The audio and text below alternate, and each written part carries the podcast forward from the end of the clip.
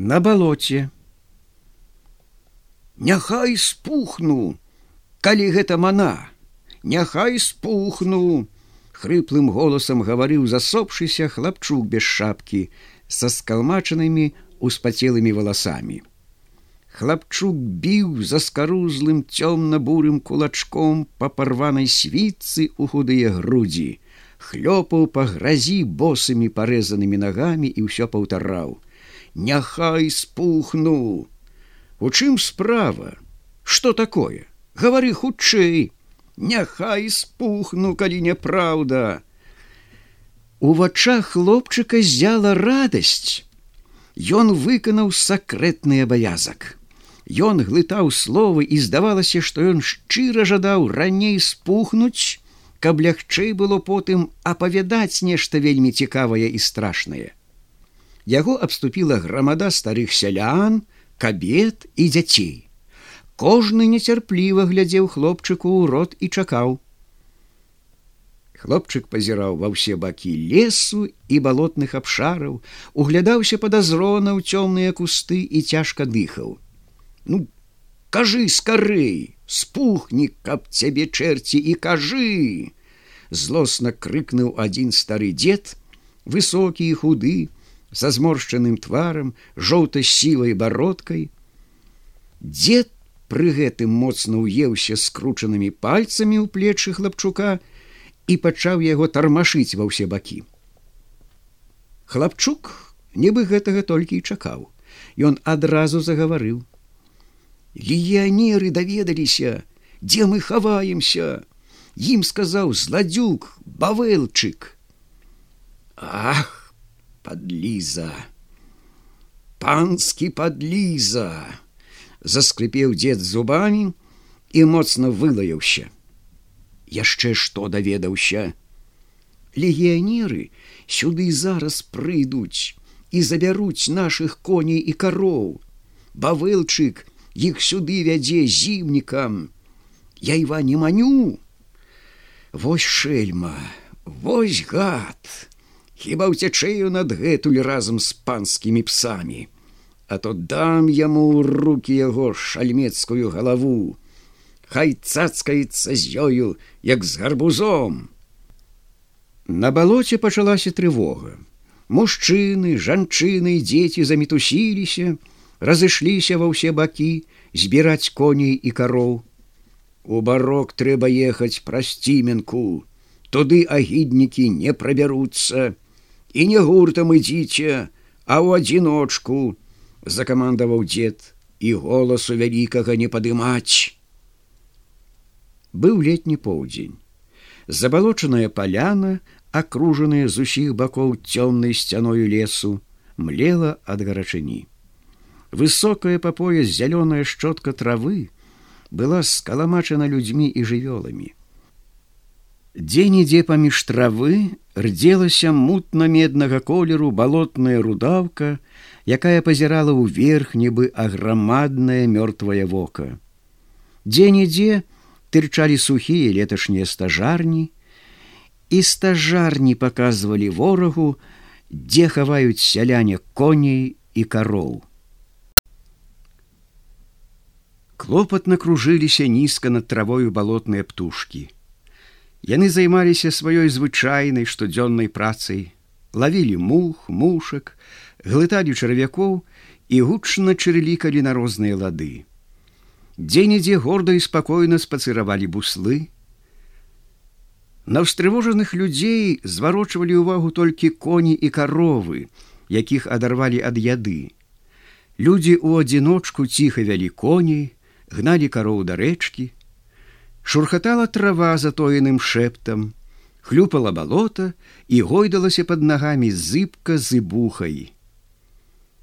Во людзі жывёла праб'юць пухкі верхні слой балота, аброслы высокай драцяной травой, праб'юць, як стары кажух, і праваліцца наскрозь, і следу ад іх не застанецца. Уздзевіцца маўклівыя буслы, зашастаюць моцнымі вахлярамі крыллямі, падымуцца над балотам і купаючыся ў растопленым золаце сонца, панясуць у празрыстыя далі нямую казку аб тым, як балота глынула людзей і жывёлін. Людзі ціха цягнуліся да рэчкі жывым ланцугом, уброд перапраўляліся і знікалі разам са сваімі жывёлінамі на другім баку рэчкі у блізкай пушчы. Апошнім прабраўся сівы высокі дзед. Здалёку чуваць было кулямётнае стракатанне. Нібы хтосьці рассыпаў боб па сухім гліняным таку. Гэта ж нашы партызаны б'юцца са шляхтай, падумаў дзед. Усмешка з'явілася на яго худым твары. Ён прыпомніў, як калісьці і ён з туркам біўся.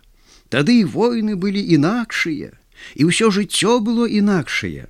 Тады гвалтам цар гнаў людзей на бітву з невядомым ворагам. А цяпер людзі самі ідуць. Усе маладыя хлопцы з вакольных вёсак пайшлі на пана, Ды не толькі маладыя, а барадатыя мужикі пайшлі. Як не пойдзеш, калі шляхтуны катуюць мужикоў, зневажаюць баб, да смерти замучваюць дзяўчат, паляць вёскі. Тут мусіш пайсці. Эх, каб я быў маладзейшы, Эх! Дзед глыбока ўздыхнуў. Але што ж? Калі не я, дык двое маіх сыноў б'юцца цяпер з ворагамі. Дзед апошнім схаваўся ў пушчы. Там ён далучыўся да ўсёй грамады, якая крыху асмялела і гойкала ў лесе на жывёлін. Праз густыя галінкі высокіх дрэў сонца рэдка дзе пранікала. У пушчы стаяў вечны змрок.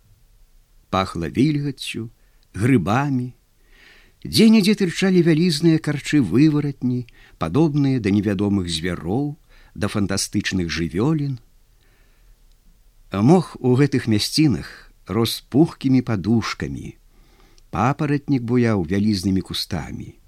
Хмяліў пах багуну і пераспелых ягад. Месцамі агалялася зямля. Яна была чорная, тарфяная, тлустая бы масла. Стаялі тут яміны з вадою, нібы хтосьці выкапаў студні. Вада была пакрыта перламутравым бляскам.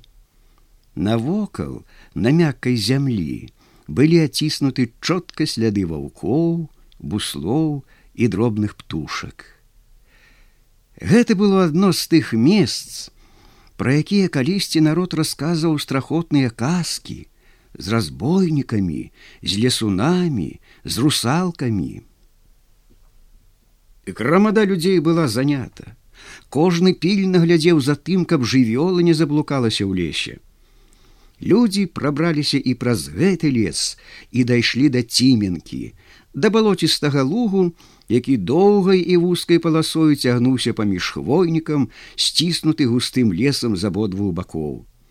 Праз ціменку яны дабраліся да сухога барка, што стаяў на невялікім узгорачку цвёрдай калючай барадой велікана. Барок быў акружаны балотамі і лесам на некалькі вёрст навокал белапольскім бандам прабрацца сюды было немагчыма. Грукат страляніны даходзіў да барка глухімі далёкімі водгаласкамі, якія ледзь трывожылі людзей. Сваіх гаспадарак яны былі пазбаўлены колькі дзён таму назад, калі паны пусцілі ў вёску чырвонага пеўня. Партызаны дадуць сабе раду.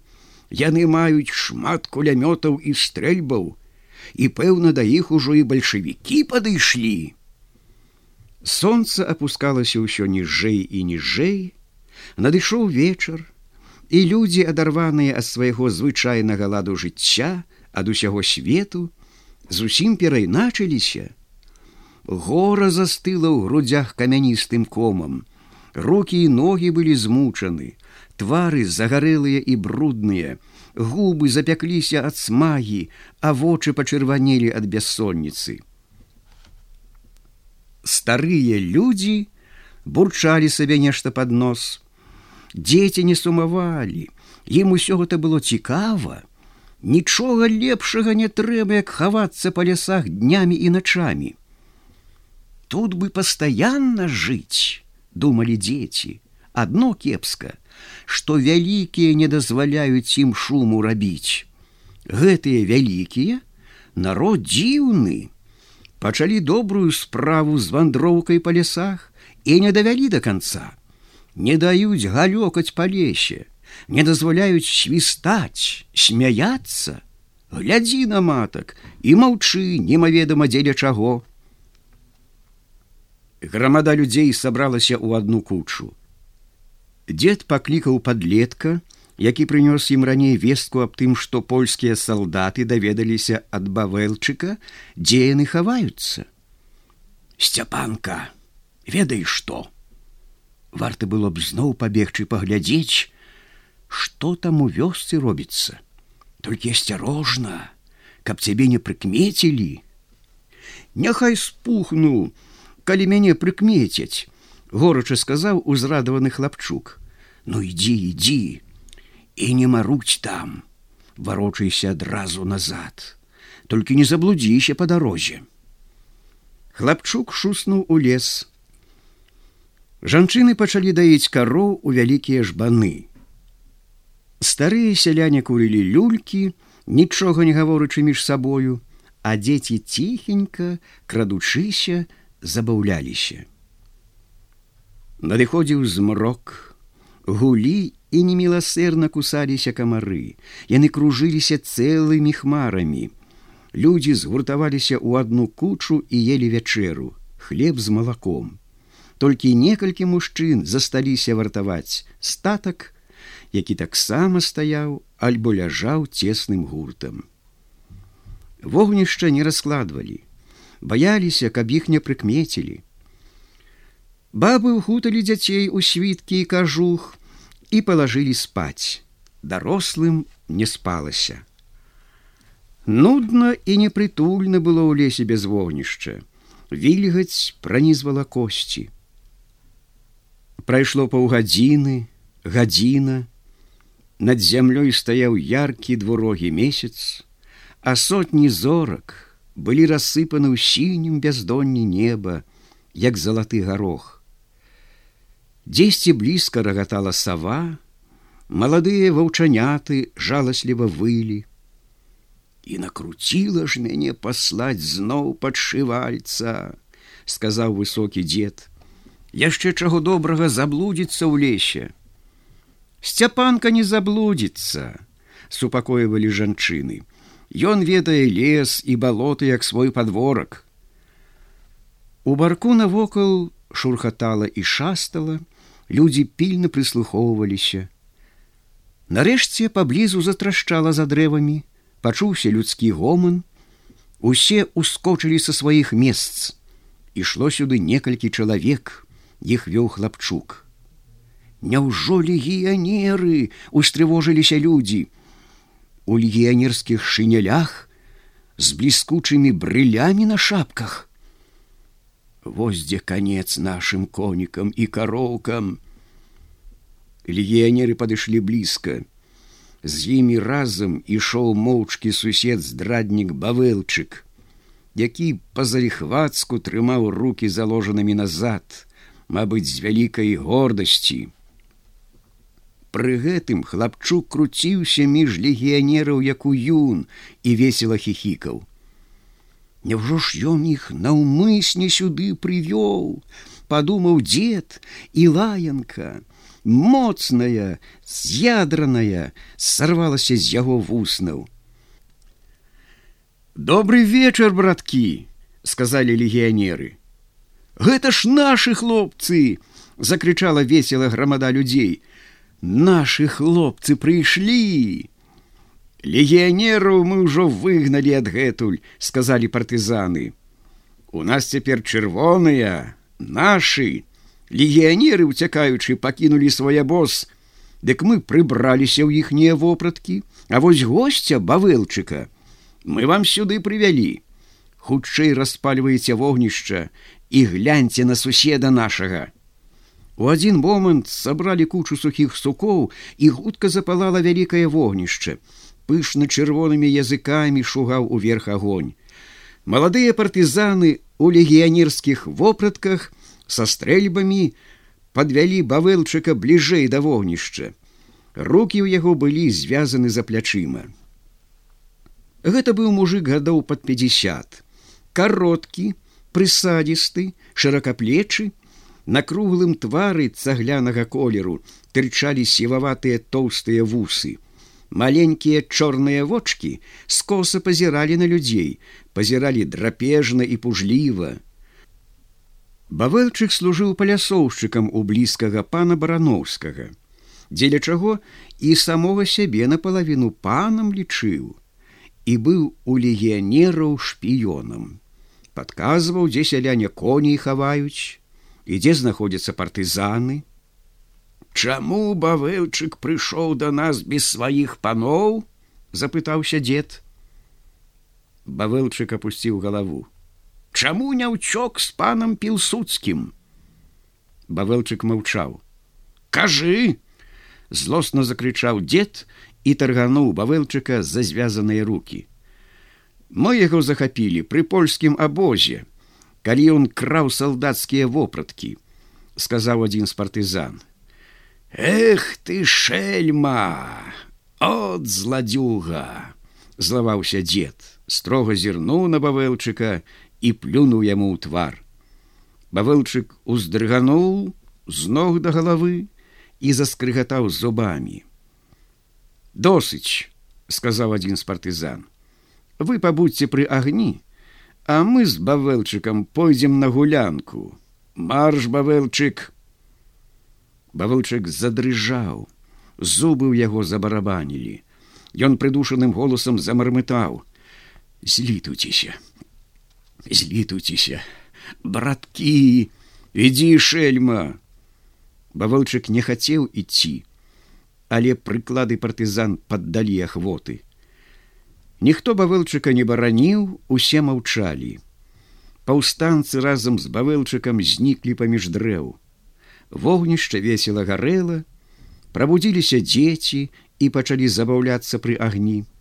Ніхто з дзяцей ужо больш не баяўся шумець і забаўляцца. Старшыя ім не забаранялі. Праз колькі хвілін, барок уздрыгануўся ад грымотнага стрэлу. З усіх бакоў каціліся адгалоскі, усе ускочылі са сваіх месц. Старыя жанчыны хрысціліся, дзеці спалохаліся, некаторыя з іх пачалі плакаць.